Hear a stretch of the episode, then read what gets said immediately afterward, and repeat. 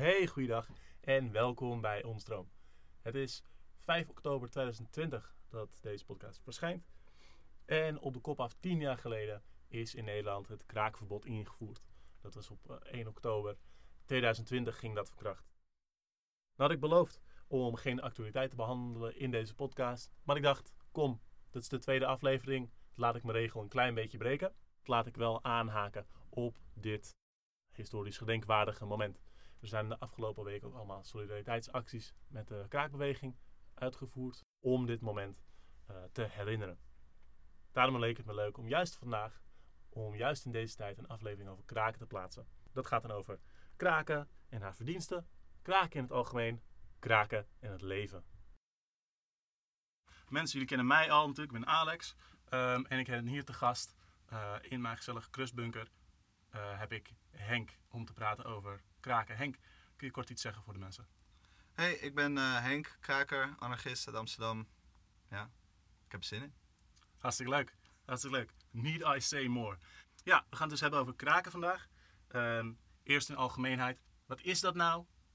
Ietsje later, wat doet het voor, eh, voor huisvesting en wat doet het voor politiek organiseren? Wat doet het voor je, voor je leven om het te doen?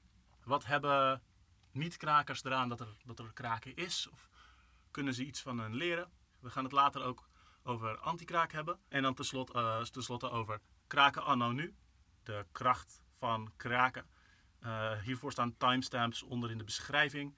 Ehm, en een verwijzing naar een video waar we het over hebben. Er komen ook wat leuke artikelen langs voor de lezers onder ons. Ehm, nou ja, we hebben er allebei heel veel zin in. Ehm, blijf lekker luisteren joh.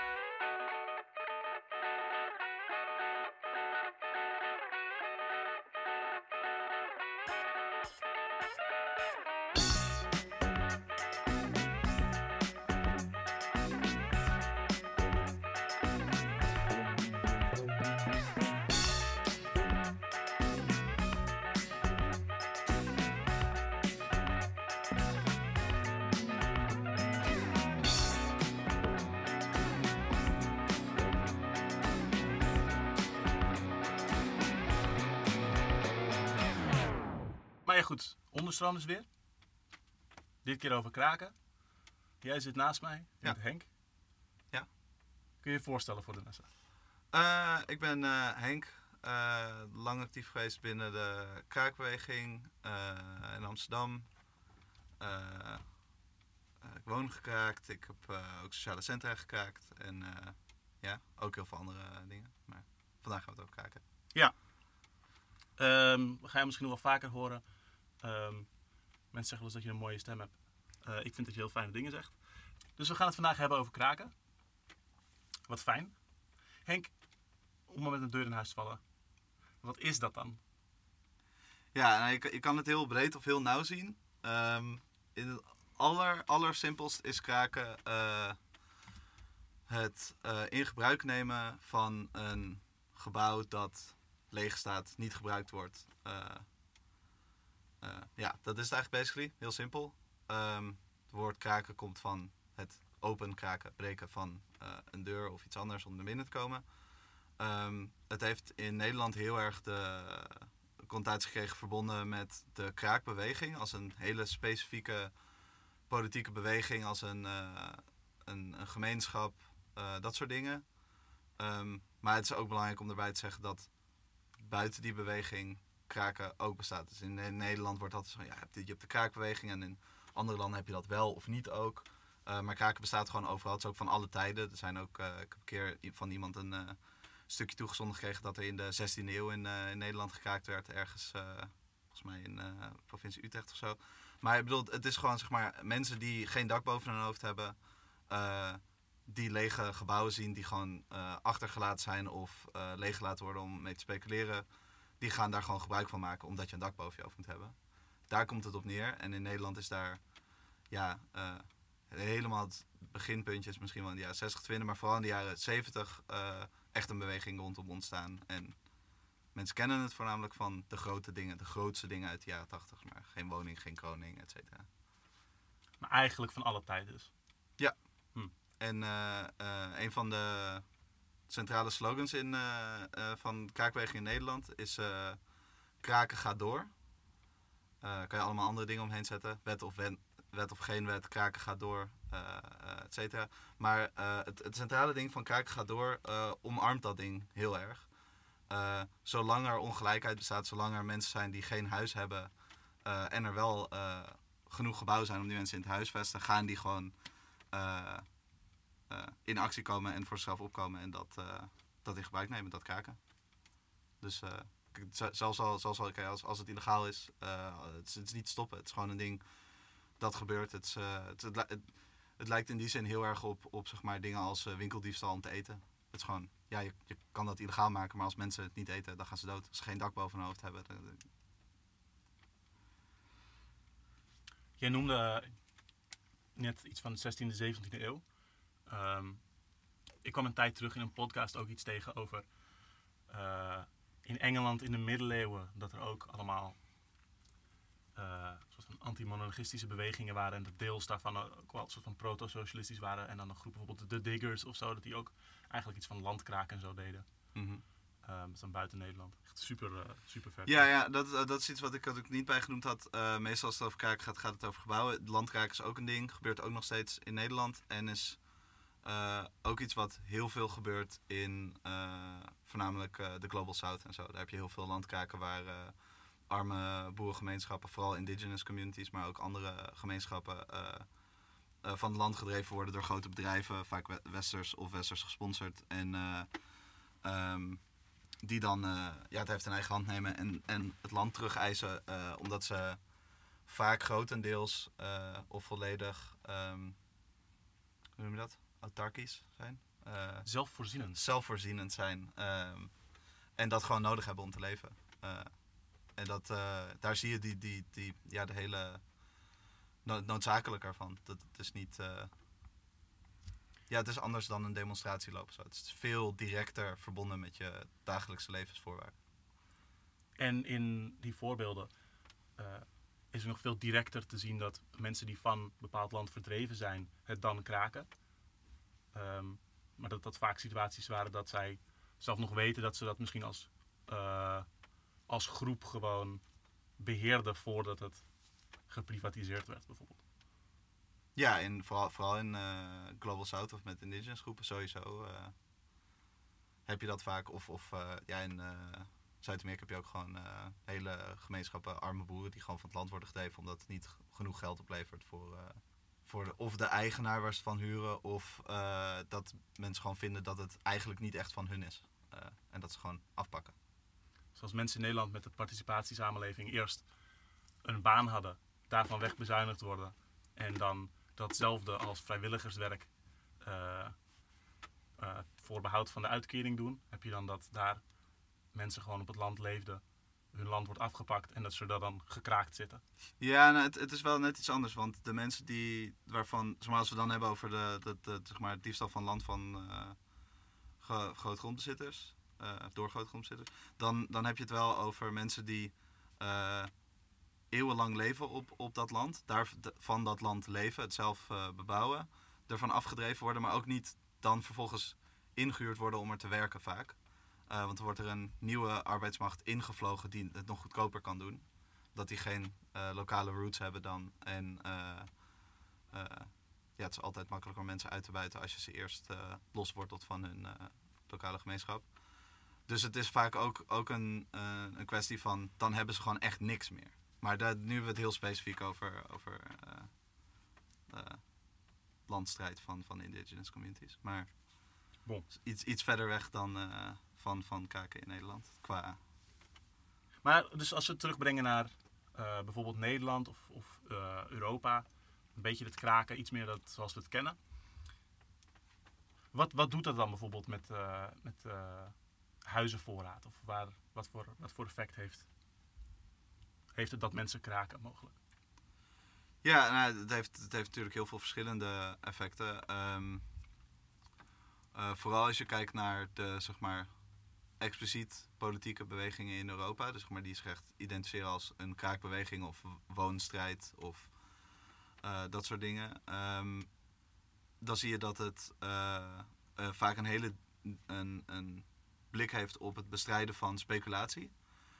Dus het, het in bezit hebben van panden leeg laten staan in de hoop dat het later meer waard wordt. En soms zelfs ook het leeg laten staan van sommige van je panden, zodat de huur van andere van je panden meer stijgt dan dat de huur voor de leegstaande panden op zouden leveren. Waardoor je een heel erg eh, bizarre gewicht in de weegschaal legt met, eh, met, met de zogenaamd onzichtbare hand, die toch altijd wel van een bourgeois blijkt te zijn. Ander ding is uh, gentrificatie, waar mensen heel erg tegen strijden. Het, ver, verjupping wordt het vaak genoemd, maar het, is wel iets breder dan dat. In, in, de, in de nette stem van overheids- en, en bedrijfsbeleiden wordt het uh, opknapping van de buurt genoemd. Maar het is vaak uh, het, het, nemen van arme buurten waar arbeiders wonen, werkende mensen wonen. en um, die pas gaan opknappen als er interesse is van rijkere mensen. En dan de hele buurt in kapitaalwaarde verhogen. Dus zeg maar, het wordt duurder en meer geld waard. Maar de originele bewoners worden er dan allemaal uitgebonjourd. Die kunnen allemaal weggaan. en dit is iets wat je door heel West-Europa ziet, vooral in uh, grote steden, in hoofdsteden. En in Nederland zie je het ook in heel veel steden en misschien wel nog het meeste in Amsterdam momenteel. Waar een combinatie van rijke expats, upper middle class expats en toeristen uh, totaal uh, lokale bevolking daaruit concurreren met hoeveel geld ze op tafel willen leggen. Um, waardoor iedereen de stad uitgedreven wordt of uh, naar buitenwijken ge gedreven wordt. Als iemand er al woont, dan is het soms niet zo makkelijk om ze, om ze weg te zetten. Maar als ze dus met, met identificatie bezig zijn, dan gaat het dan vaak ook samen met het verkorten van huurcontracten, zodat er meer momenten zijn waarop een contract opnieuw ingesteld kan worden. zodat een andere huur voor gevraagd kan worden.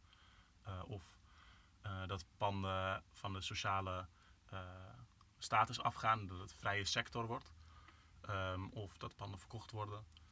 Of op Airbnb gezet worden voor tijdelijke huur. Of überhaupt in hotels veranderd.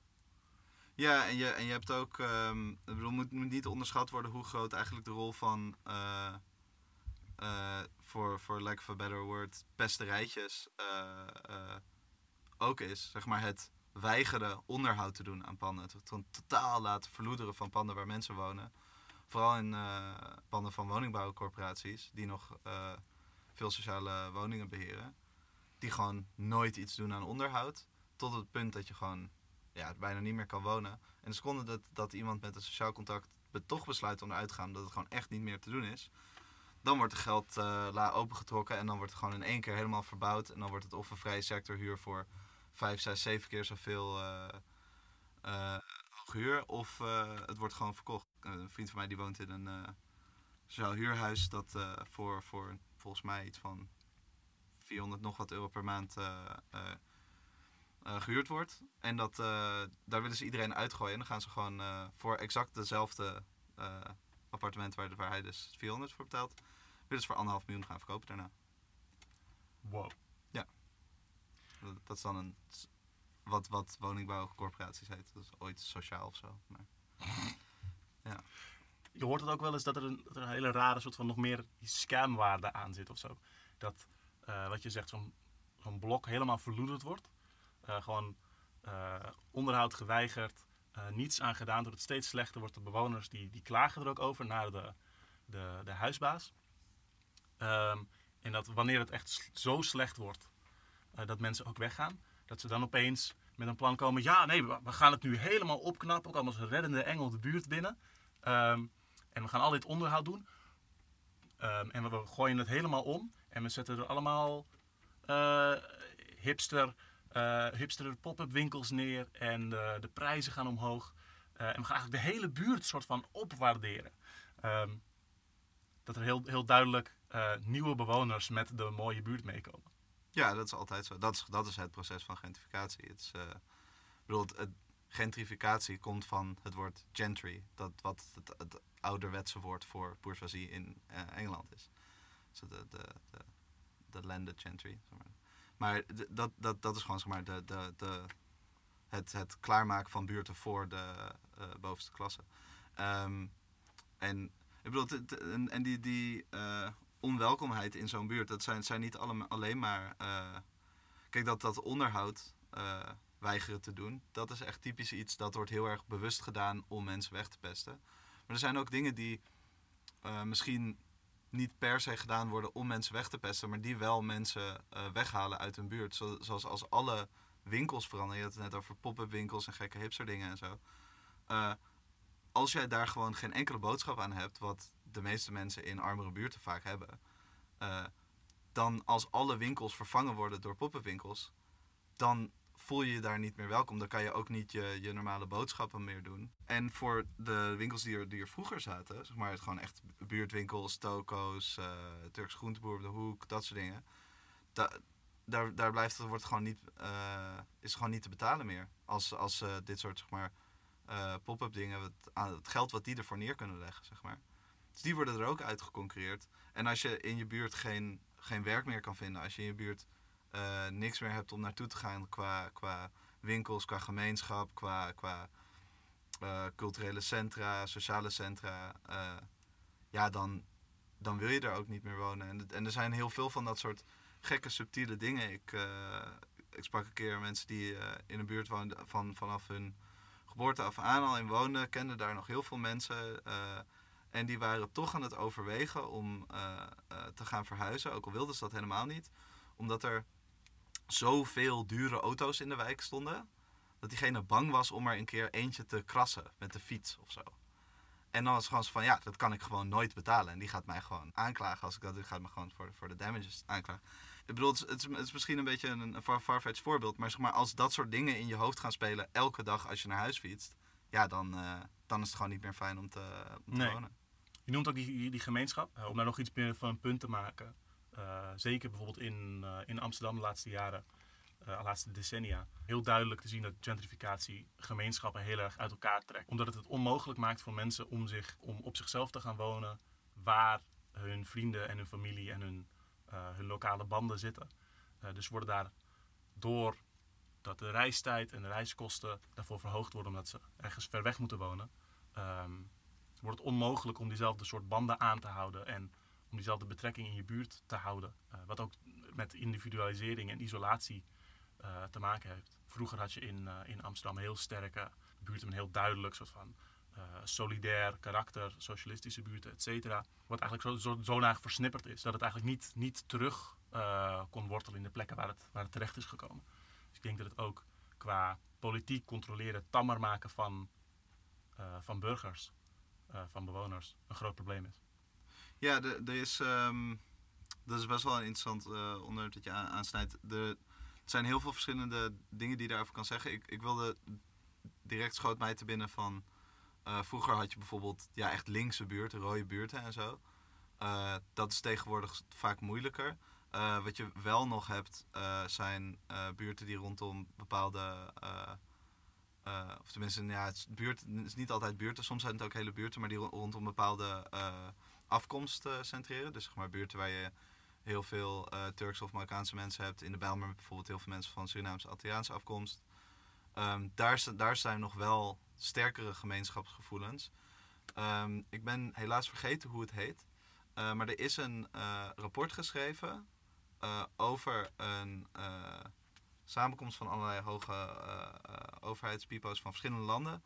Eh, waarin ze eh, planmatig beleid, eh, of visie voor beleid uiteenzetten. Waar ze specifiek dat soort gemeenschappen willen targeten met gentrificatie.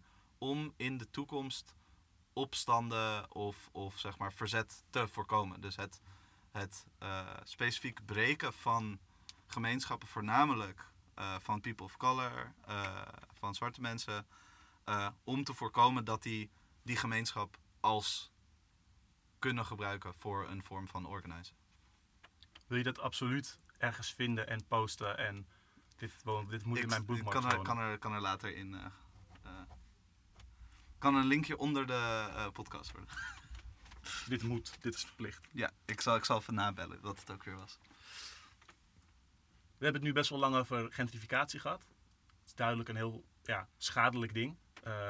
Ik zou er nog één ding over willen zeggen. Dat is dat gentrificatie nu, een, een nieuw spannend gevaar heeft, wat, een beetje te linken is aan wat ik eerder zei over het specifiek targeten van gemeenschappen uh, om ze uiteen te drijven. En dat is door de geschiedenis heen is vaak gentrificatie heeft geleid tot het uiteenbreken van een buurt. Uh, maar die vervolgens later weer samenkomt in een nieuwe uh, samenstelling, in een nieuwe buurt. Dat is natuurlijk altijd een soort eb en vloed van, van dit soort processen. Het gevaar is nu echter dat overheden en bedrijven geleerd hebben van hoe gentrificatie werkt. En actief uh, de nieuwe buurten aan het inrichten zijn. Althans, dit is in Nederland zo. Om dat soort dingen te voorkomen. En wat je bijvoorbeeld ziet, is dat vroeger werd er alleen gekeken naar het deel van het gentrificatieproces vanuit de overheid en bedrijven naar de buurten die rijker worden en zeg maar de buurten die overgenomen worden door rijkere mensen en meer waard worden. Nu, en, en de arme mensen werden gewoon volledig aan hun lot overgelaten. Maar dat bood ze dan wel de uh, kans om zelf oplossingen voor hun gemeenschap te, te, vinden en die zelf te bouwen. Wat je nu ziet, en dat zie je bijvoorbeeld heel sterk in Almere en Lelystad, is dat er al een soort van uitlaatklepachtige functies worden gebouwd. Uh, dus er, wordt wel, er worden wel sportclubs gebouwd, een winkelcentrum en zo. Maar dus er wordt net genoeg uh, cultuur of sport of, of winkelmogelijkheden gebou gebouwd om als uitlaatklep te dienen, zodat mensen niet soort van boos worden of, of zelf dingen gaan doen. Maar het is allemaal in de handen van het kapitaal en de staat. Dus is, het, wordt, het initiatief wordt ontnomen en, en voorgegaan. De, waardoor dus zeg maar, die gemeenschap ook minder makkelijk zich kan opbouwen rondom dat soort dingen. Wat vaak wel historisch altijd belangrijke aspecten waren van gemeenschappelijke dingen in buurten. Dus dat er wel functies zijn voor de van prijsklasse van de nieuwe bewoners, maar dat er heel duidelijk geen kwestie van, van gemeenschappelijk eigendom of directe betrekking is uh, maar dat het allemaal al het bezit is van iemand die je toevallig op een lagere prijsklasse uitbaat. Ja, het is, uh, je, je, ziet het in, in, in Amsterdam heet het bijvoorbeeld Huis van de Buurt heel veel. Ik, ik weet niet hoe het in andere steden heet, maar dat zijn dan ja, een soort van buurtcentra, sociale centra. Die zijn gewoon allemaal in handen van uh, bedrijven. hetzelfde als dat je, je kan wel kleinere winkels hebben naast een supermarkt. Maar is dat een deel van een keten? Is dat deel van een groter concern? Of is het gewoon letterlijk de groenteboer die uit die buurt komt en zelf ook niet eh, 100 mensen onder zich heeft. Dat is, dat is een heel groot verschil, want die zal heel anders omgaan met bepaalde dingen. En veel meer geworteld zijn in die buurt. Uh, en zo, zo zie je dat zeg maar, de logica van, van kapitalisten heel erg daar probeert op uh, dat voor te zijn. Hm. Ja, heel interessante ontwikkeling. Dus gentrificatie, kapitalisme en zo effectief mogelijk geld uit buurten slaan, uit mensen. Hoe gaat Kraken daarmee om? Wat doet Kraken met met huisvesting. Ja, uh, om, om dan terug te komen op kraken en vooral de, in de strijd met, met gentrificatie. Um, wat een veelgebruikte stap is in gentrificatie is het verloederen van panden of hele buurten. Deels om mensen weg te jagen, deels omdat ze er gewoon geen fuck om geven en uh, wel kunnen, nog even kunnen wachten voordat uh, iedereen weg is. Kraken neemt niet alleen die, die huizen in gebruik, maar probeert er ook actief een soort alternatief voor te bieden. Een, een, een tegenoplossing die de problemen van de buurt oplost in plaats van de problemen van het kapitalisme. Door bijvoorbeeld sociale centra, maar ook plaatselijke, ja, allerlei vormen van gemeenschappelijk gerunde, collectief gerunde dingen die je ook als winkels kan hebben of als andere dingen, maar die echt in het soort eigendom zijn van de mensen in de buurt. Dus bijvoorbeeld een fietsenmaker waarbij mensen allemaal vrijwillig samen hun fiets kunnen maken. Er, zijn gereedschap, uitleen, collectieven, zodat je niet elke keer tools hoeft te kopen of te, te huren. Wat best wel duur kan zijn. En de meeste mensen hebben gewoon helemaal niet allerlei vormen van gereedschap. Dus ja, echt gewoon een soort van infrastructuur voor een buurt willen zijn. Bijvoorbeeld ook iets wat Foker heet, Volkskeuken. Dat is gewoon eigenlijk een een, een, maaltijd op donatie. Zo goed als altijd vegan, in mijn ervaring. En dat, en dat is gewoon een zo, zo goedkoop mogelijk uh, maaltijd waar je gemeenschappelijk kan eten. En dat is niet echt per se een soort restaurant of zo, maar echt waar je met. Maar in, in een soort van ideale visie zie ik het voor me als een soort van die Oktoberfest tafels waar je zo de, het hele, hele dorp aan tafel hebt zitten. Of zoals bij Asterix en Obelix aan het einde. Zo, en zo voelt het ook wel als je daarheen gaat. Het echt. Uh, iedereen is welkom, zit lekker allemaal door elkaar heen. En de opbrengsten gaan vaak naar een goed doel of politieke acties of iets in de buurt. En eh, ja, heel, heel veel van dat soort dingen eh, die, eh, die echt gericht zijn op eh, wat willen mensen in de buurt. En dat eh, samen creëren zonder dat daar eh, geld aan verdiend worden. Zo kan je het toegankelijk houden voor mensen uit de buurt. Kan je ze betrekken zodat ze zelf hun eigen buurt kunnen maken.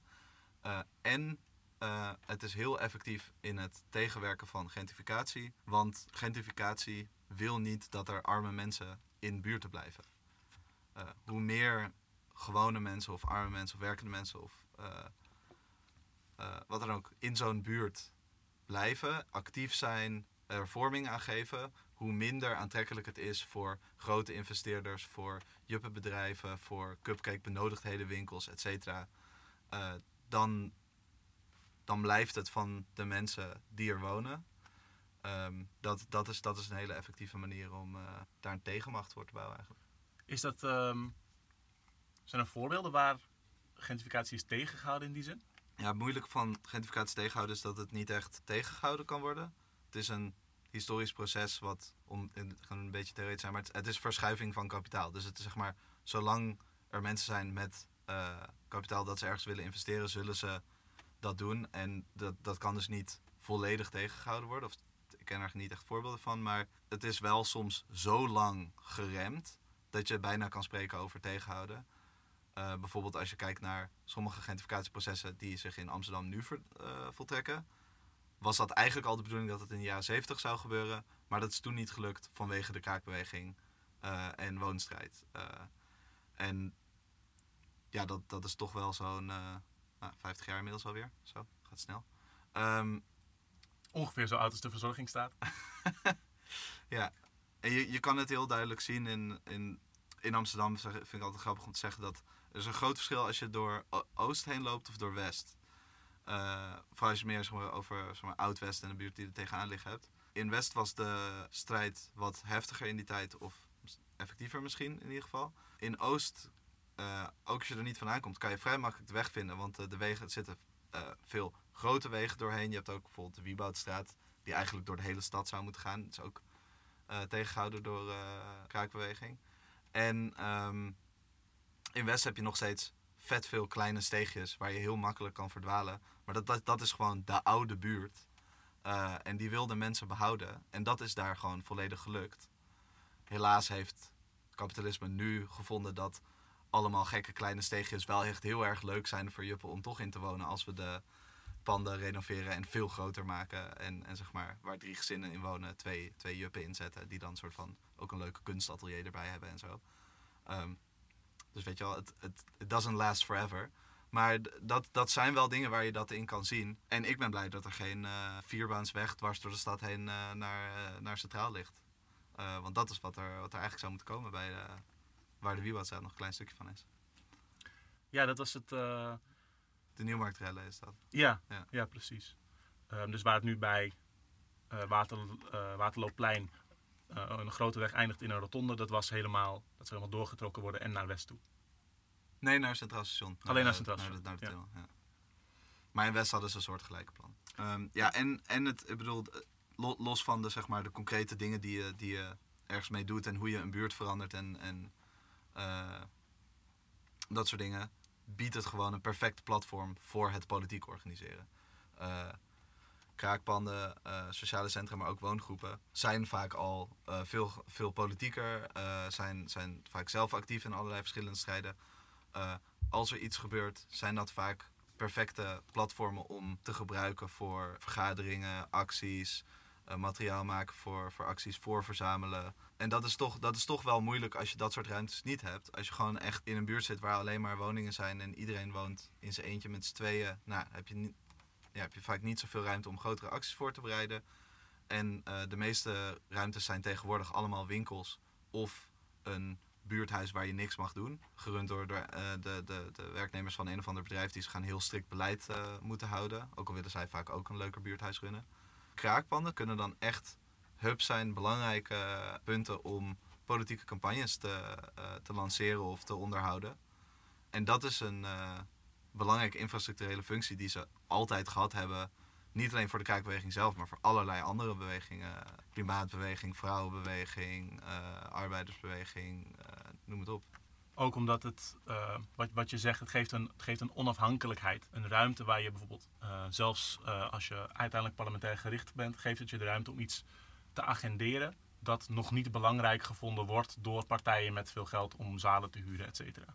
maar zeker als je, dat, als je dat niet bent en op jezelf iets wil doen, dan kun je een kraakpand dingen organiseren die, um, waar een buurtcentrum bijvoorbeeld voor, voor terugdeinst. Of een, uh, of een broedplaats. Die zegt van nou nou, daar wordt misschien um, onze contactpersoon bij de gemeente boos van als we hier iets over gaan doen. Want uh, dat is al besloten, dus daar kunnen we niks meer over zeggen.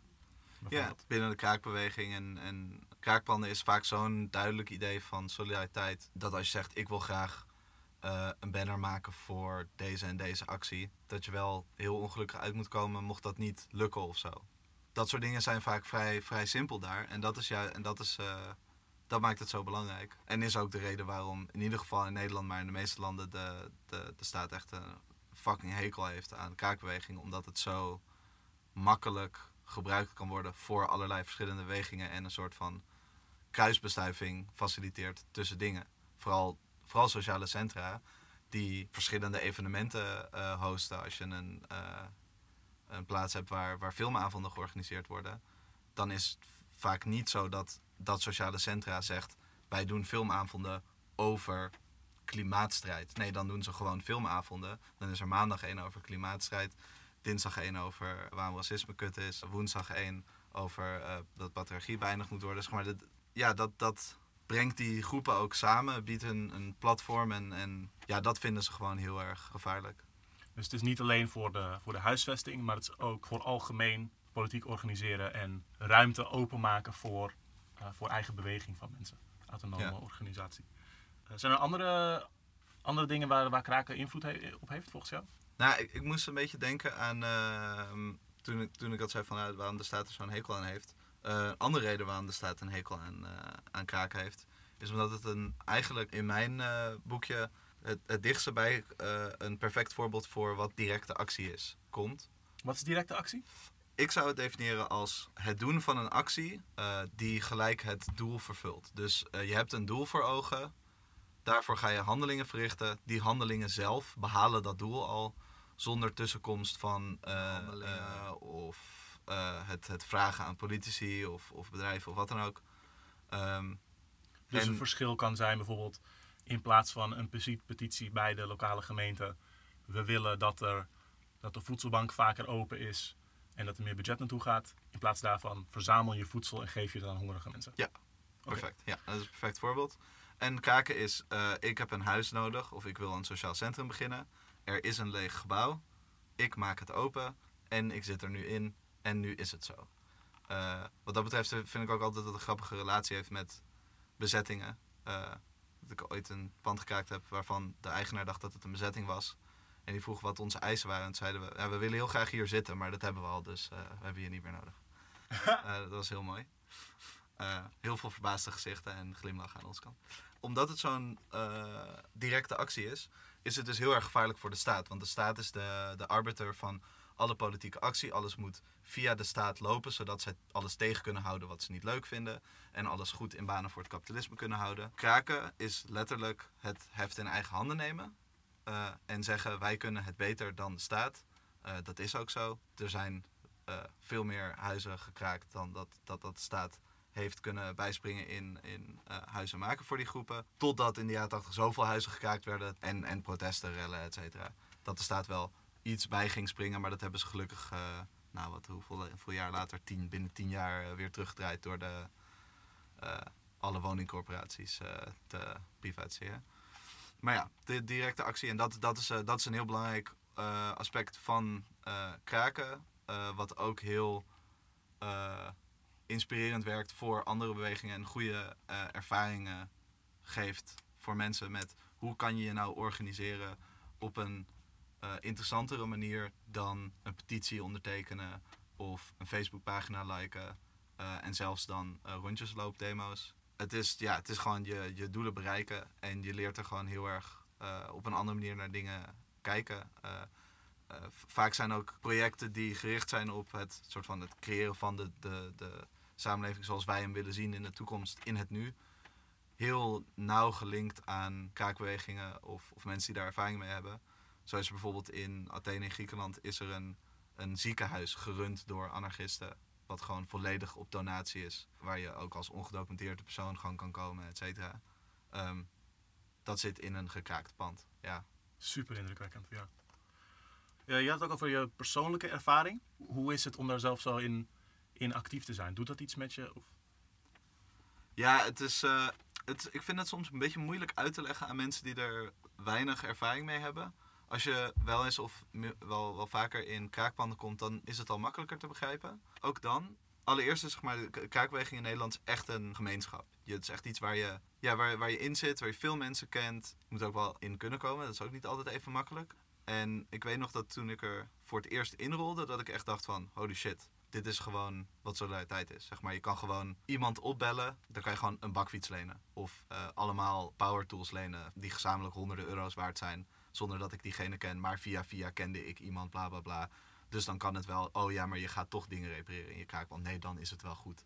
Die houdingen, eh, dat, dat soort dingen, dat is echt super waardevol eraan.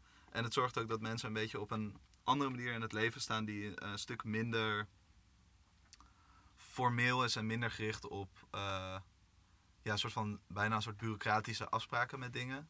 Eh, en dat, eh, ik denk dat dat een, ook een belangrijk aspect is eh, om dat soort bu- bureaucratische dingen los te laten en meer een soort van solidaire houding eh, proberen aan te nemen. En, en ook, ook zeg maar de, de DIY-houding, zeg maar do-it-yourself eh, achtige dingen op je te nemen als we echt de wereld willen veranderen. Ik denk dat dat heel belangrijk is. Het is interessant. We hebben, als we het over breder organiseren wel eens hebben, dan zit daar soms een ding in dat je eh, bij jezelf en bij anderen eh, een, soort, een soort zelfvertrouwen wil meegeven. Of een soort ja, agentschap, agency. Van, ik kan dingen doen. Als wij samen dit en dit doen, dan, dan is dat iets dat echt geldt in de wereld en dat een, een invloed kan hebben. En een soort van een, een bereidheid om iets te proberen ehm, en ervan te leren en door te hebben dat het een proces is, maar dat eigenlijk alles op zo'n manier begonnen is. Ja, en ik, ik denk dat zeg maar. We, bedoel, we worden door het kapitalisme van alle kanten gebombardeerd met, met propaganda dat we niks waard zijn en niks kunnen en, en alleen maar eh, dingen kunnen als we voor bedrijven werken. Ook al doen we dan alsnog alles. Maar somehow kunnen we het zelf niet. En, en bijvoorbeeld met klussen is dat heel erg een ding met al die eindeloze programma's van Help mijn man is klusser en, en weet ik het wel. Al die dingen dat ze in het buitenland een hotel gaan beginnen, haha, en dan lukt het ze niet, want ze kunnen helemaal niks dat is gewoon bullshit. Maar mensen hebben wel een, een leercurve nodig. Mensen maken fouten. En je moet mensen de ruimte geven om die fouten te maken. Zodat ze ervan kunnen leren. Want je, je leert van fouten. Je leert niet van het al kunnen. Dat, dat is belachelijk. Dus binnen de, binnen de kraakbeweging. En vooral als je, als je er echt actief bent. Als je zelf eh, in een collectief zit van een woongroep of een sociaal centrum. Leer je heel erg veel van dat soort dingen. Je, zeg maar, de, de houding is je moet alles zelf doen. Of tenminste, we moeten gezamenlijk alles zelf doen. Uh, maar je komt er heel snel achter hoeveel er eigenlijk wel niet is. Um, ik ben echt door mijn ouders helemaal niet uh, uh, geleerd om met tools om te gaan, te klussen, al dat soort dingen. Ik had echt twee linkerhanden toen ik begon met kraken. Um, maar ja, voornamelijk toen ik in een, in een woongroep kwam. want dat zijn vaak wat kleinere groepen dan als je een sociaal centrum runt was het zo, oké, nou de Elektra doet het niet, uh, wij moeten het zelf fixen. Oké, nou nu, uh, nu moet ik leren hoe je, hoe je Elektra aanlegt. Oh, de, uh, er is iets mis met ehm, de, de wateraansluiting of, of de wc. Nou, nu moet ik leren hoe je, dat, hoe je dat maakt. En er zijn vet veel mensen die rondlopen in de kraakbeweging die dat kunnen, die willen helpen. Maar er, er zit altijd een soort ja, verwachting bij dat zij gaan het niet voor je doen. Ze willen het met je doen en het jou leren, zodat je het na uh, één of een paar keer ook zelf kan. U überhaupt heel kraken is zo ingesteld. In sommige steden zijn er uh, zogeheten kraakspreekuren. Daar kan je naartoe gaan om informatie te vragen over kraken. En die kunnen je ook helpen met het opzetten van dingen. Uh, die, en die willen vaak best helpen als je nieuw bent. Maar er zit wel de verwachting in dat je het op den duur gaat leren. En ik had het net over vrij soort van ja, uh, skills die, die handig zijn in het persoonlijk leven. Dus zeg maar uh, uh, klussen, onderhoud, et cetera. Ehm, maar voor, voor kraakacties leer je ook skillsets die eh, politiek heel erg nuttig kunnen zijn. Zoals bijvoorbeeld het barricaderen van een pand, wat heel handig is voor bezettingen of eh, kraken zelf of andere dingen. Eh, maar ook politiewoordvoeren, zeg maar de, de woordvoerder van een actie naar de politie zijn om de politie te escaleren, uitstel te krijgen voor, eh, voor het uitvoeren van de actie. Die spreekuren, die verwachten dat je dat op den duur een beetje gaat leren. Er zit geen, eh, vaak geen hard cut-off moment in van, oh, na, na zoveel acties heb je het nog niet gedaan, dus nu, nu ben je heel stom. Maar omdat het je dat biedt en omdat er ook heel veel mensen zijn die het graag willen delen, eh, en omdat er de ruimte is om fouten te maken, is het heel makkelijk om daar, als je ook maar een beetje interesse hebt, om zoiets op te pakken en te zeggen: Oh fuck, ik ga nu leren hoe je een politiewoordvoerder zou kunnen zijn. Of eh, hoe je iets moet barricaderen, hoe je de elektra van iets kan, kan aanleggen of repareren. En dat is gewoon, ja, dat is gewoon extreem goed. En het, ja, het, is, moeilijk uit te leggen hoe, hoe eh, grote impact het kan, kan hebben. eh, omdat je op die manier op een hele andere manier verhoudt tot de dingen die om je heen gebeuren. Je, je, de hele logica van, oh, ik bel daar wel iemand voor en die betaal ik dan, verdwijnt een beetje uit de mogelijkheden. En je moet dan mensen gaan zoeken die je daarbij kunnen helpen. En op den duur bouw je dus gezamenlijk met een huisgroep of een groep van een sociaal centrum, bouw je gezamenlijk die, al die skillsets op. En sommige mensen gaan gewoon meer interesse hebben in elektra. En sommige mensen gaan meer interesse hebben in eh, het faciliteren van de, van de huismeetings. En dat is prima. Ehm, maar je, ja, je bouwt die skillsets op en dat, eh, dat is ontzettend bevrijdend en eh, Hmm. heel erg fijn. Wat eh, misschien wat van de luisteraars ook wel interessant vinden is eh, de vrijheid van bijvoorbeeld huur en zo. Eh, hoe ervaar jij dat? Ja, nou, je betaalt dus geen huur. Dat is echt, eh, ik kan iedereen aanraden om geen huur te betalen in plaats van wel huur betalen. Het is veel minder geld. Het, het lijkt zo simpel. Het ja, lijkt zo ja simpel. nee, het is echt het is geniaal. Maar wat doet het? Ehm, nee, wat, wat, het, wat het doet is je, je hoeft minder geld te hebben om uit te geven. Waardoor je minder kan werken bijvoorbeeld.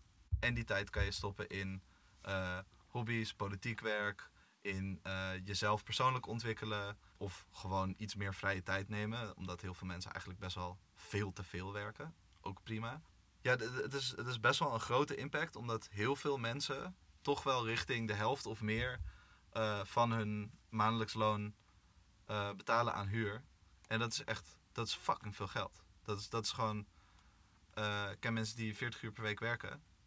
En die werken dus 20 uur per week om een huis te hebben.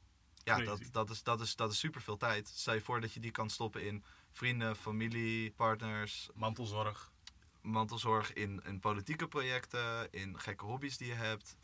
Dat is, dat is gewoon, dat is fantastisch. Dat is, dat is veel, veel fijner leven om, om te hebben. En ook meer richting hoe je het leven zou willen opbouwen.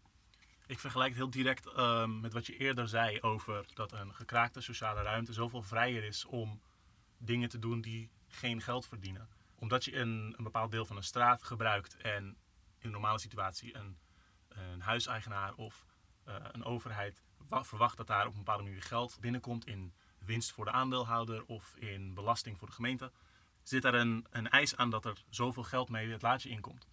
Ehm, en wanneer je zelf zoveel aan huur moet betalen en aan alle andere lasten.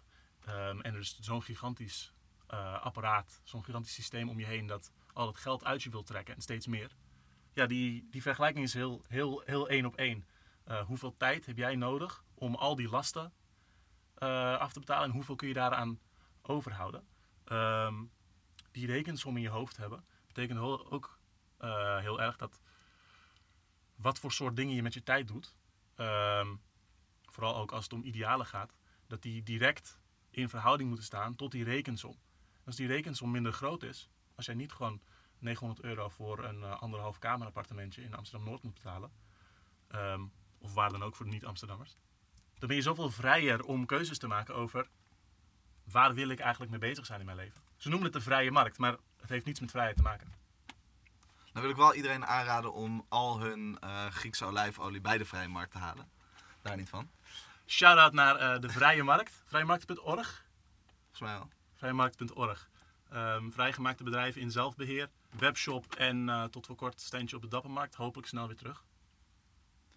Maar ja, om, nee, maar om, om, de, om de, daar weer op terug te komen. Het, het is, de, ik bedoel, ja, je, je, zei het vrij goed en ik denk dat je ook hele, je kan er hele simpele voorbeelden voor geven. En die ik ook ervaren heb binnen het wonen in uh, kraakte woongroepen.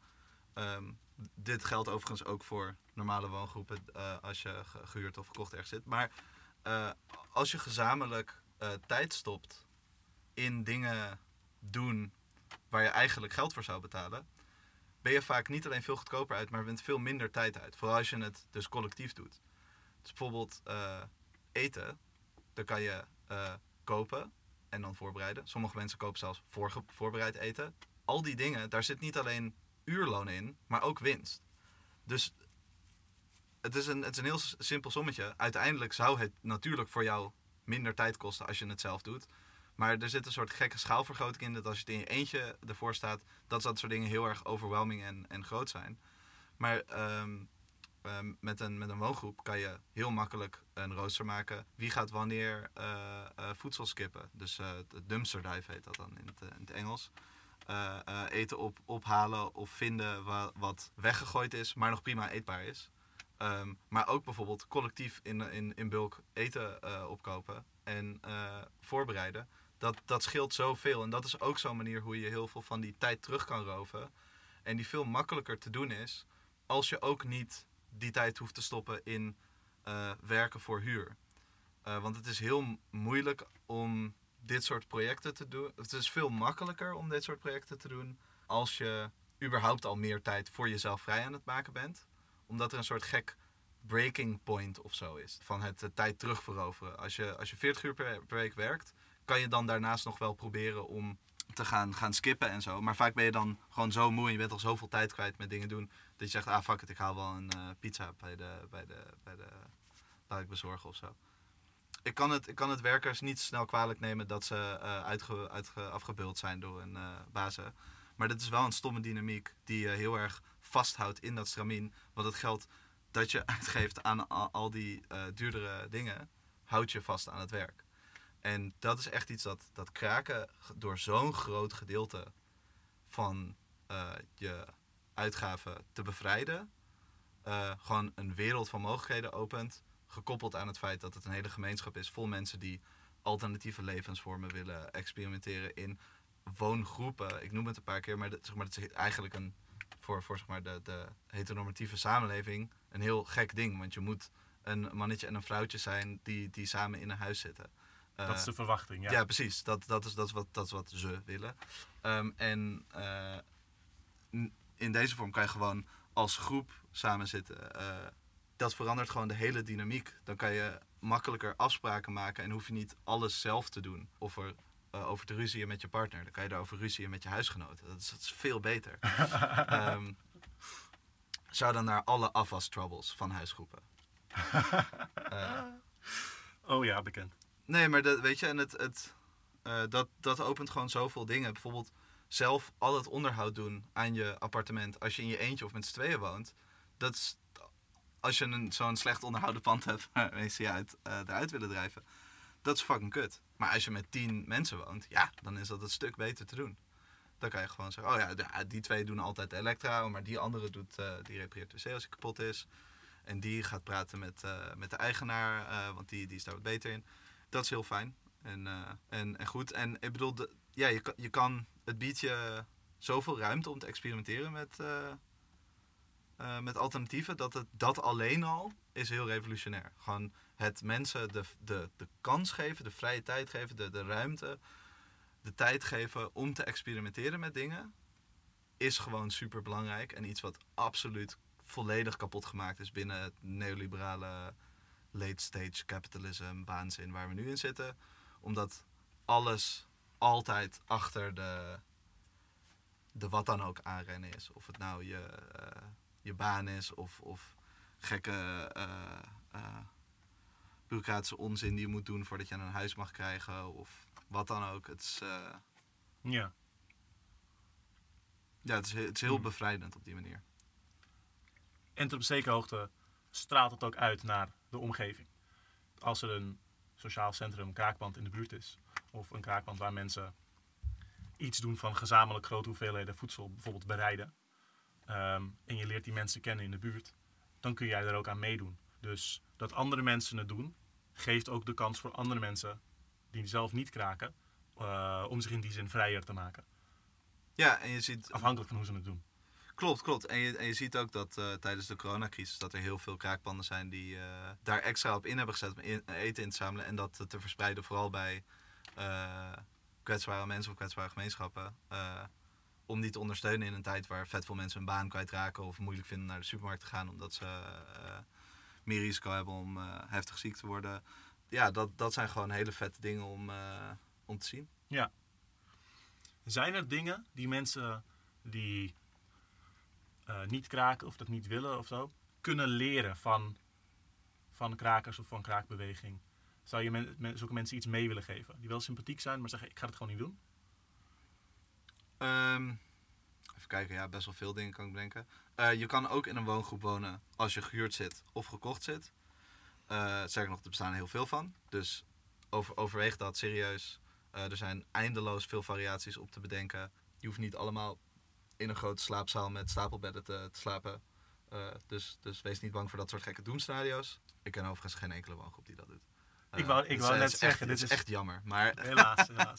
dit, dit, is een, dit is een beeld dat zie je bijvoorbeeld eh, in grote loodsen waar eh, asielzoekers een plaats wordt gegeven in, of vluchtelingen, Ja. in bepaalde Griekse kraakpanden waar op dat moment geen andere mogelijkheid is. Ja, Eh, dat heb je ook in Nederland wel gehad hoor. Bijvoorbeeld met We Are Here in, eh, in Amsterdam als er geen, eh, geen beter gebouw te kraken was. Nou, woongroepen. Ik zou zeggen, probeer het. Ze, ze, stel je ervoor open. Het is, het is super vet. Goede ervaring. Je leert heel veel over jezelf en over de wereld. Je leert heel veel skillsets erbij. Ga, ga naar events in kraakpanden. eh, support ze. Het is een beetje een... Dit is dus een van die dingen die ik moeilijk vind om uit te leggen. Maar ik denk dat de, de kraakwereld en dat hele ding van ah, je kan gekke experimenten doen en, en de, er is gewoon allemaal vrijheid voor eh, eh, wat dan ook.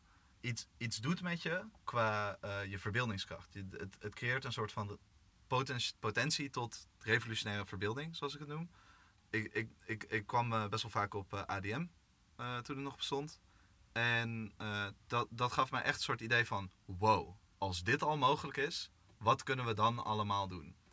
ADM was dus een hele grote, ze noemen een vrijplaats, een gekraakt terrein eh, in het westelijk havengebied van Amsterdam. Ehm was vroeger een werf, eh met het is dus 20 jaar, of langer 30 jaar gekraakt geweest. Eh, en dat, dat had dan jaarlijks een festival en verder gebeurde daar het jaar door allerlei dingen, doordat mensen daar allemaal hun werkplaatsen, et cetera, hadden. Maar omdat het dus zo lang bestond, konden mensen, en omdat er heel veel mensen wonen die echt vet veel vet shit konden, eh, hadden ze dus allemaal dingen gebouwd. En er waren allemaal mensen bij die ook bijvoorbeeld robots konden doen of konden lassen en zo. Dus er was gewoon een robotarm gemaakt die zo groot is dat het auto's kon crushen. Ik bedoel, dat is gewoon, dat is gewoon vet. Ik bedoel, los van alle andere dingen, dat is gewoon heel vet. Een van de vetste pyrotechnic shows die ik ooit heb gezien. Eh, waar Ramstein al hun shit van genakt heeft overigens. Eh, voor alle Ramstein fans. Ehm, eh, Inspiratie, inspiratie. Ja, ja, ja. Maar het, het feit dat, dat al dat soort gekke experimenten daar konden plaatsvinden, gaf mij het gevoel van, oh wauw, dan is, dan is X dus ook mogelijk. Oh, dan kunnen we ook dit wel proberen. Ik denk dat je echt dat soort dingen moet zien, eh, om dat te, te ervaren en om dat te doen. Dus ik raad het iedereen super hard aan om naar dit soort shit toe te gaan. Pro- probeer daar vette mensen te ontmoeten, probeer dingen te doen. Kijk of je die robothand kan vinden. Ik weet niet waar die is nu. Nou, we hebben dus heel lang ge- gehad over, eh, over kraken. Wat is dan anti-kraak? Heel simpel, het is het antwoord van kapitalisme op dat ze krakers stom vinden.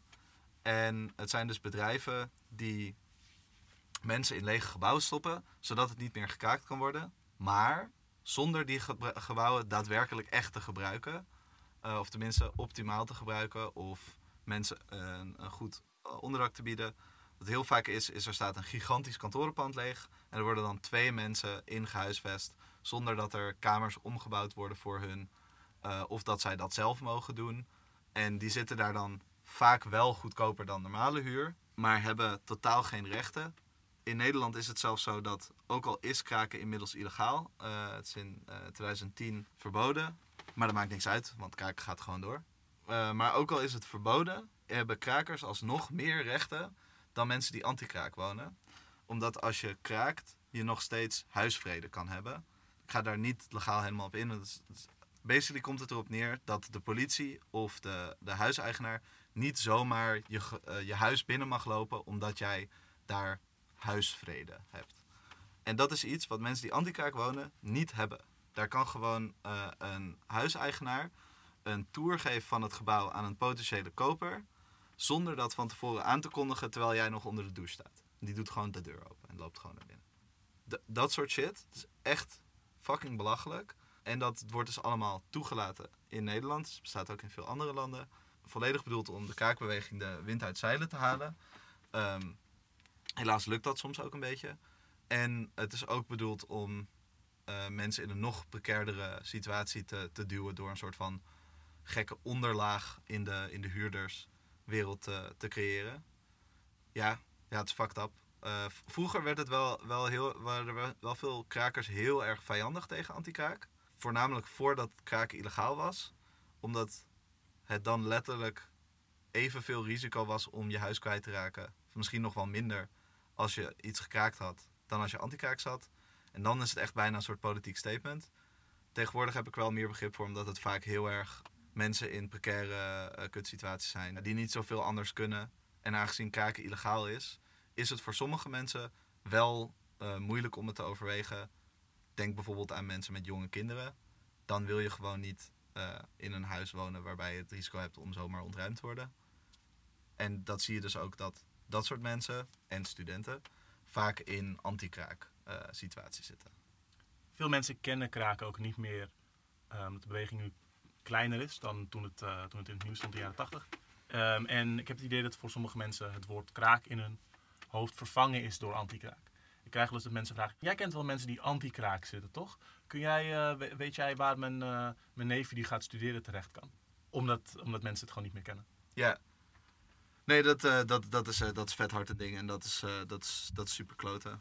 Ehm, ja, dat is de, de repressie op de kraakbeweging. Hoe ziet die beweging of de praktijk van kraken er nu een beetje uit? Ja. Nou, nu. Ehm, ik ga daarvan even een disclaimer zeggen. Ik kom uit Amsterdam. Alles wat ik ga zeggen is gebaseerd op Amsterdam. Eh, your mileage may vary. Het is ook Ehm, wel anders inderdaad, hè, per, per stad. Ja, er zijn dingen die heel erg eh, door, de, door, de, door heel Europa bijvoorbeeld best wel op elkaar lijken. En er zijn dingen die echt per stad, soms wel per buurt eh, verschillen. Ehm, ik kan, ik kan wel een beetje groot beginnen en dan soort van in, inzoomen. Ik denk dat, ja, wat ik eerder ook zei, is die hele houding van solidariteit, dingen samen doen, mensen kunnen gewoon aansluiten. eh, het, het is heel makkelijk als je een beetje via via mensen kent of een beetje assertief bent om na afloop van een politiek evenement of een, een, een kraakreef of wat dan ook ergens een slaapplaats te kunnen fixen bij een lokaal kraakpand. Om op bezoek te gaan bij mensen. Dat, dat soort dingen zijn echt across the board vaak gewoon dingen die, die je overal wel hebt. Specifiek mijn persoonlijke ervaring meer. Ja, nee, het, het is eigenlijk. ehm, het is grappig, bij- veel eh, gesprekken over politiek revolutie en dingen hebben we het altijd over de gemeenschap of gemeenschap bouwen, et cetera. En ik denk dat binnen de beweging eigenlijk de kraakscene een van de meer succesvolle eh, pogingen zijn om een gemeenschap te bouwen. Het, het is echt een hechte gemeenschap. En, dat, en dat komt ook deels door wat het doet. Het, het creëert huizen, woningen, ehm, sociale centra, bioscopen, weggeefwinkels. Het is echt een soort microcosmos aan shit die je nodig hebt. Terwijl heel veel andere bewegingen eh, een groot deel van hun focus leggen op demonstraties, protesten, acties en zo. Wat heel goed is. Maar die hebben niet hetzelfde gemeenschapbouwende element als eh, dingen die ik daarvoor noem. En ik denk dat je dat, dat merk je heel erg als je, er, als je erin zit. Dat het, dat het die gemeenschap is met alle voor- en nadelen eh, van dien. Er, is, er is altijd wel iemand die je kan, kan helpen met iets. Waar je kan aankloppen voor, voor dit of dat. Bakfietsen te over om eh, te lenen. eh, tools lenen, skillsets lenen, mensen lenen. Het is allemaal, allemaal supergoed te doen. En het is een soort van gek netwerk dat ze gewoon door, in ieder geval door heel Europa heen, heen verstrengelt. En vaak kan je ook buiten Europa nog wel eh, eh, plaatsen terecht. Ja, het is best wel gebruikelijk ook dat er, zeker in de zomer, als je een kraakband bent, dat iemand gewoon vraagt van... hey, ik was bij dit evenement, eh, maar ik heb nu geen plek om te slapen, kan ik even blijven logeren of zo? Wat super vet is, ik wil trouwens ook nog wel even een gek zijpuntje. Heel vaak wordt het niet alleen door krakers zelf aangeboden, maar ook wordt ervan uitgegaan, voornamelijk door niet-krakers, dat het makkelijker is om te logeren in een kraakpand. Dat is praktisch gezien vaak zo, omdat krakers daar wat chiller in zijn. Maar aan alle huurders en, en huiseigenaren die cool en revolutionair en politiek zijn, mensen kunnen ook op jouw bank slapen. Doe dat vooral. Dat is heel nice. Er zijn genoeg mensen die op banken willen slapen. Bied het een keer aan. ja, kan ik eh, van harte onderstrepen. Tien jaar geleden kraakverbod ingegaan in Nederland. Ja, kut. Maar kraken gaat door. Kraken gaat altijd door. Ja, nee, het, het, zat er al langer aan te komen. Ehm, het voelt een beetje gek, maar het is in stroomversnelling gekomen uh, na de uh, uh, moord op Pim Fortuyn. Dat was best wel ver voor 2010. Dus dat, dat voelt dan raar. Maar dat, het, ze wilden al veel langer er iets tegen doen. En daardoor hadden ze soort van het momentum. want, want die persoon had ook zogenaamd dingen te maken met de kraakbeweging en zo. Nou, allemaal totaal belachelijk. Maar... Niemand kende hem eigenlijk ga ik niks over. Geen nee. Ik ben ver voor mijn tijd. Maar goed dat Pim Fortuyn dood is. Zo, dat ga ik wel zeggen. Fuck die guy. Ja, nee, dat, dat, dat toen is in een, in gekomen. Want zij zien het als zeg maar, de, de overkoepelende infrastructuur voor links of revolutionaire uh, bewegingen. En dat is wel uh, zo. Uh, dus voor hen is het gewoon een, een, een, een vijand die ze moeten aanpakken. En dat was gewoon een excuus dat ze ervoor kunnen gebruiken om het soort van iets meer antipathie te, te, bouwen tegen, tegenover de kraakbeweging. Sinds het, sinds het verbod is het vooral, vooral in steden waar de beweging niet zo heel groot was of waar ze geen uh, gelegaliseerde panden hadden die het sowieso zouden overleven, zo'n zo golf van repressie. In veel van dat soort plaatsen is het echt stil komen te liggen of volledig verdwenen soms zelfs. In grotere steden of steden die gewoon iets meer infrastructuur hadden en al helemaal uh, gelegaliseerde panden die politiek gebleven zijn, zijn helaas ook heel veel gelegaliseerd en totaal verdwenen uit de beweging. Daar is het gewoon voort blijven bestaan. En ja, is er eigenlijk een, nog meer een, een wending gekomen naar uh, dingen zelf organiseren. En, uh... Je stipt hier iets aan. Um, willen later wil ik uh, graag een keer een, een aflevering doen, geheel over cooptatie. Wat je hier noemt, plaatsen met gelegaliseerde kraakpanden die gepolitiek gebleven zijn, die konden, daar kon de beweging beter soort van blijven. En we hadden het eerder over hoe uh, ruimtes die niet gekraakt zijn, uh, vooral als ze uh, niet speciale voorwaarden hebben voor lagere huur of aankoop of zo, um, heel erg onderhevig zijn aan allerlei dwang vanuit de markt. Zo ook wanneer plaatsen wel gelegaliseerd worden, dan wordt het vaak ook moeilijker om die plekken politiek te houden. Um, en sommige kraakpanden is dat dus wel gelukt uh, en andere veel minder. Ook omdat er, zeker bij legale sociale centra vaak ook wel pogingen zijn om uh, het binnen het vaste bestel te halen. Iets interessants om naar uit te kijken. Sowieso kan je daar nog hele boeken over volschrijven binnen de kraakwegen in cooptatie. Ja, maar ook breder. Ook breder. Bijvoorbeeld mensen die van een heel activistische hoek ergens mee beginnen en dan bijvoorbeeld een parlementaire partij oprichten mm of zo, worden vaak op allerlei manieren binnengehaald. Voor de volgende keer, cooptatie. Ik, uh, ik denk hier wel, uh, vaker over na, over het thema van kraken. En soms moet ik dan terugdenken aan een video. Er is een, uh, een video, het staat, op YouTube en het betekent, het, het heet How Wolves Change Rivers. En dat is een verhaal over biologische ontwikkeling in Yosemite Park in de Verenigde Staten. Een gigantisch wildpark, natuurpark. Waar de wolven een tijd lang waren uitgestorven. En waar dat heel erg het, het landschap beïnvloedde. Heel veel van het land werd een soort moeras, waar alleen van groot wild en herten en dergelijke dieren alles kaal vraten en uh, de, de, grond uh, ook kapot ging, waardoor het een heel raar drassig landschap werd, waar geen beren, vogels, uh, allemaal dieren die daar vroeger in de bossen rondgingen, nog leefden. En die film die legt uit hoe in de jaren nadat ze daar weer wolven introduceerden, al dat andere leven eigenlijk terugkwam. Omdat die wolven waren maar een klein in aantal, maar ze konden door op specifieke punten de, het groot wild weg te houden, omdat dat de vaste plaatsen waren voor een hinderlaag, konden ze daar, doordat ze daar altijd op de loer lagen, het groot wild weghouden. Waardoor daar weer grotere struiken konden groeien voordat de elanden alles opvraten. Als gevolg daarvan kwamen bijvoorbeeld de bepaalde vogels weer terug. Uh, en andere kleine roofdieren zoals vossen die dan weer op de vogels gingen jagen. Of slangen die de eieren gingen eten. En naarmate dat gebied uitdijt, moesten de wolven ook elders gaan jagen naar de naar de elanden, want die rennen het bos niet in. En zo was het een hele, hele verschuiving van het terrein dat door die grote kuddes elanden werd overgenomen. Waardoor die, die elandenkuddes steeds meer maar een deel van het landschap werden in plaats van het hele landschap. En er veel meer van allerlei soorten bossen terugkwamen. Totdat die ook de draagkracht kregen om weer een ander eh, diersoort toe te staan. Zodat er bijvoorbeeld zelfs weer beren terugkwamen. En andere veel zeldzamere dieren die een heel specifieke eh, niche in dat veel diversere landschap kregen. En die titel, How Wolves Change Rivers, slaat er dan op dat wanneer dit zich een paar jaar afspeelt, dat dat bos na een tijdje zo groot wordt dat de wortels van die planten de grond steviger maken. Waardoor al het land dat veel drassiger tot moeras eh, werd, weer steviger en droger werd. En de rivieren veel meer een soort typische rivierbedding kregen. En het water weer veel helderder werd. Ehm, en dat er ook bijvoorbeeld andere vissen weer terugkwamen. Nou, hele, uh, hele indrukwekkende film over de invloed die een, vrij kleine populatie aan wolven op een heel groot gebied kan hebben. En als ik hierover nadenk, dan moet ik ook wel eens denken aan, aan kraken. Aan wat een aantal sociale centra in een gebied, een aantal woongroepen of huizen vrij van de, van de markt voor een stad kan doen. Heb jij daar een uh, associatie mee?